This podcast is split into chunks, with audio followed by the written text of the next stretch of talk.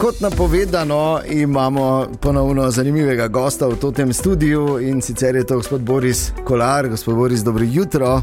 Dobro jutro. Razlog je seveda nova, jaz sem prepričan, da je literarna uspešnica, ki bo prišla iz našega mesta. Ampak najprej, obstajate pisatelji tako zgodaj? Ne? Ja, če moramo. če je nujno. nujno je. Drugače pa uh, sem prebral, zdaj uh, mogoče bom povedal na robe. Sicer ste zaposleni v Nacionalnem laboratoriju za zdravje okolja in hrano v Mariboru kot ekotoksikolog. Ja. okay. Kaj dela ekotoksikolog? Ja, kaj dela, ja.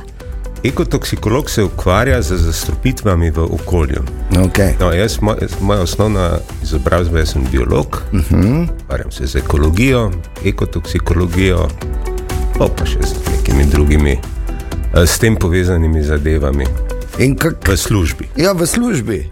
Kaj potem to, to, to, to. potem to. človek začne s takimi duhovitimi in pronicljivimi literarnimi deli? Ker se ne zdi, da je vse z narave izvira. Ja. Normalno.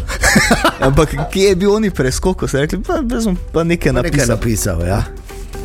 oh, jaz sem začel pisati uh, že zelo zgodaj. Uh, objavljati, recimo, v, ob koncu študija. Ampak veste, jaz pišem zelo, zelo, zelo počasi. ja. Vsako moje knjižno uh, delo je nastajalo približno 10-12 let, mogoče katero še več. Teda, zdaj se je malo nabralo, mm. da grem penzijo. po več časa ali pravijo, pol, da je manj časa za vse? Ja, ja, zdaj je s časom tako, da človek sploh ne ve, kam bi se skril, ker tako hitro teče čas. Ja, ja, res je, res. Tista zgodba o, o roli straničnega papirja. Mm -hmm. ja, ampak dejstvo, dejstvo pa je, da uh, to je zanimivo, ta počasen proces, ker recimo nam, ki nismo pisatelji. Ne, še nismo ja, pisatelji, še, ker vedno pravijo, še nisi pisatelj.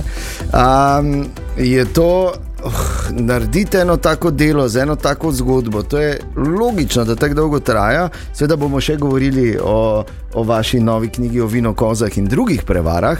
Ampak um, to je, uh, kje, koliko časa, pa kje vse te podatke, pa to je en proces. Je, ampak.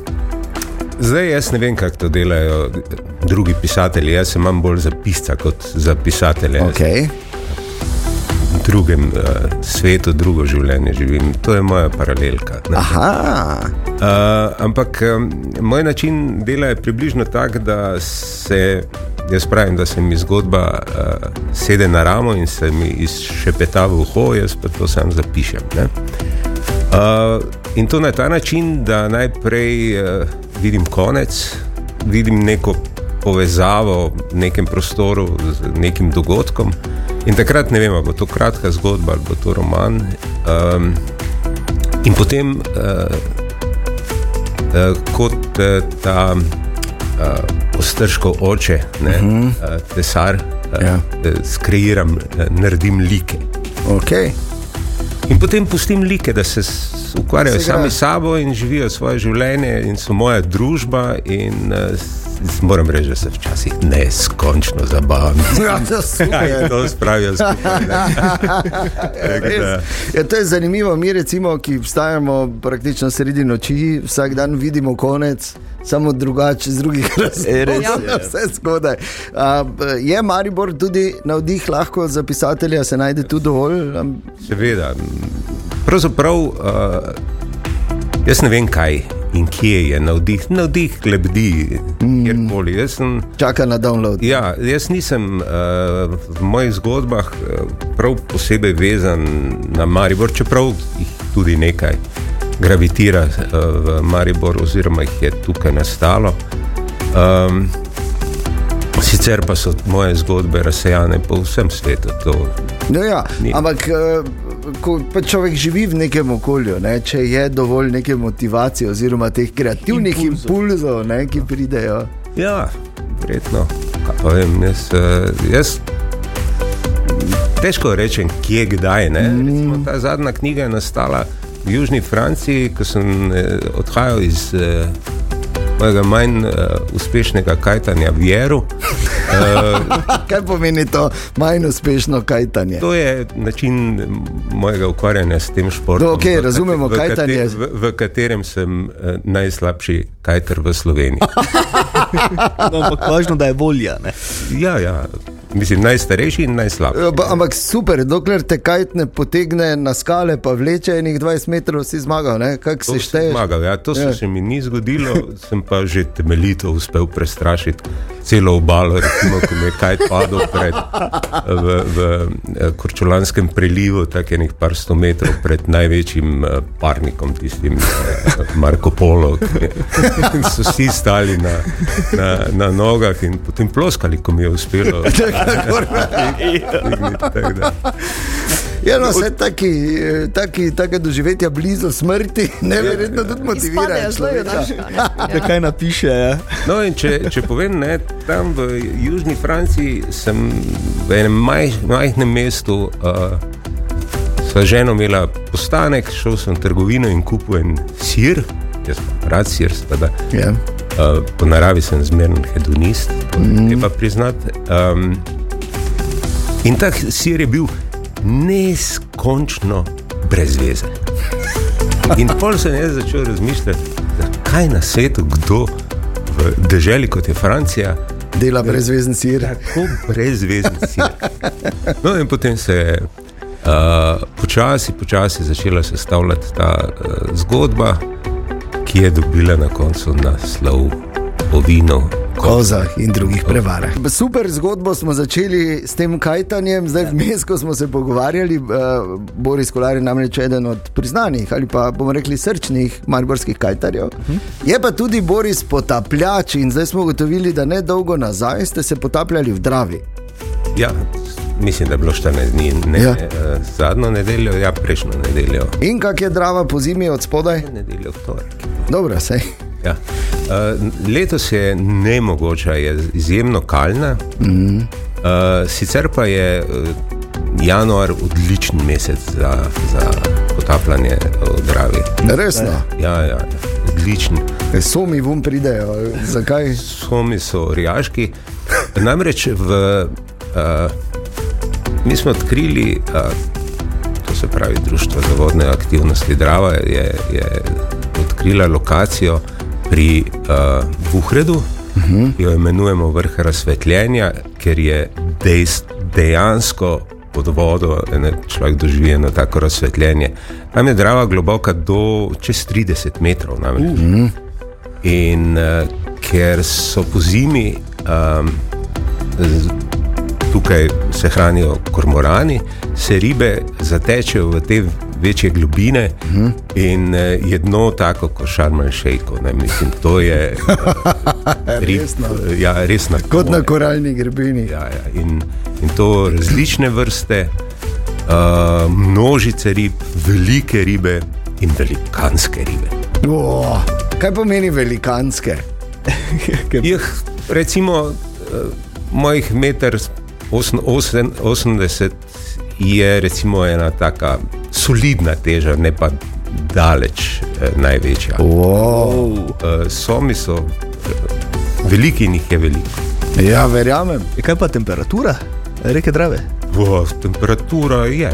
Je, je, je, ne. Ja, mislim, razen, razen če, je, če je ni. Takrat, takrat je pač bolj. Takrat je pa nič. Je malo bolj hladno. Boris, torej o vinu, kozah in drugih prevarah, to je vaša nova knjiga. Dogaja se v srednjem veku in kot smo že načeli na jugu Francije, kjer je Boris Kolar mimo grede za res jedel brezvezen sir in iz tega je nastala ta zgodba. O ja. čem govori?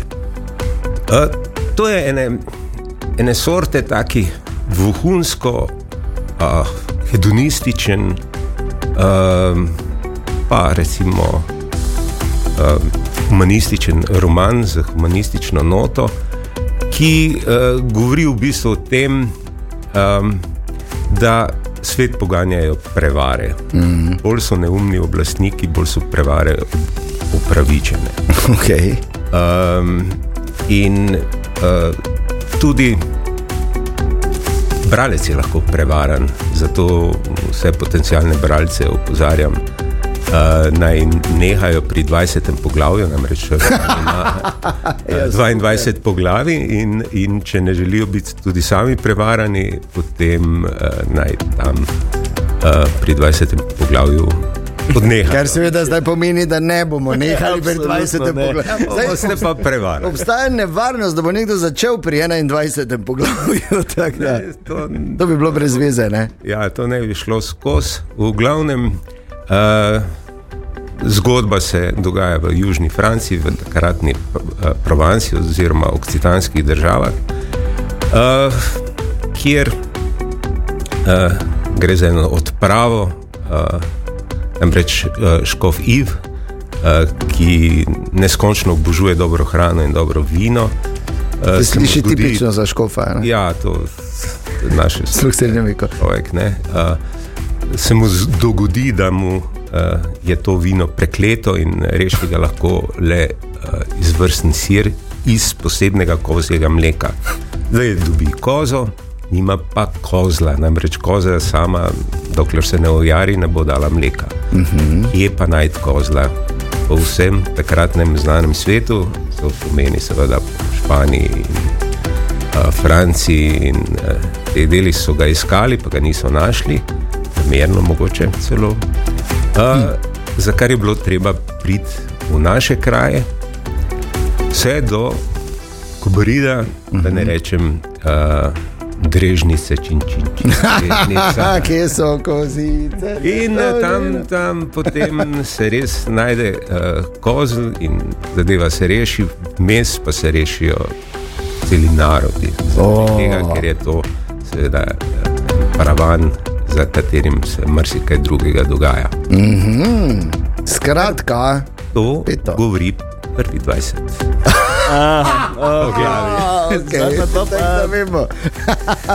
ja, super, torej, uh, zanimiva ideja. Kot, uh, še enkrat moram povedati, komaj čakam, da, uh, da se lotim knjige o vinu, kozah in drugih prevarah, Boris Kolar. Torej, še enkrat predstavitev. Jutri ob 18. v veliki dvorani Ludkovnega gledališča Maribor, če koga zanima, vabljeni. Ja, seveda. Poslušalci ste seveda vabljeni uh, tam bomo uh, pod uh, vodstvom stane tako tudi, mm. ki tudi nekaj ve o vinu. Ja. ja, glede na to, da je mestni viničar, bi skoraj moral. jaz mislim, da, bo, da je to izbrana kombinacija. Mm, tudi jaz, kajtar in viničar. Jutri ob 18. in še enkrat Boris Kolar, najlepša hvala za obisk pri nas. In če ne drugače, se ponovno vidimo pred izidom naslednjega romana. Ja. Ker zdaj, ko boste v penziji, bo verjetno prej. prej ja. Ja. ja, da ne boste prešli v penzijo. Ne, ja, ne, ne, ne. Niste, dobro, jaz mogoče, ja. jaz grem počasi, ona dva že bodo tu. Hvala lepa, lep dan, vse dobro.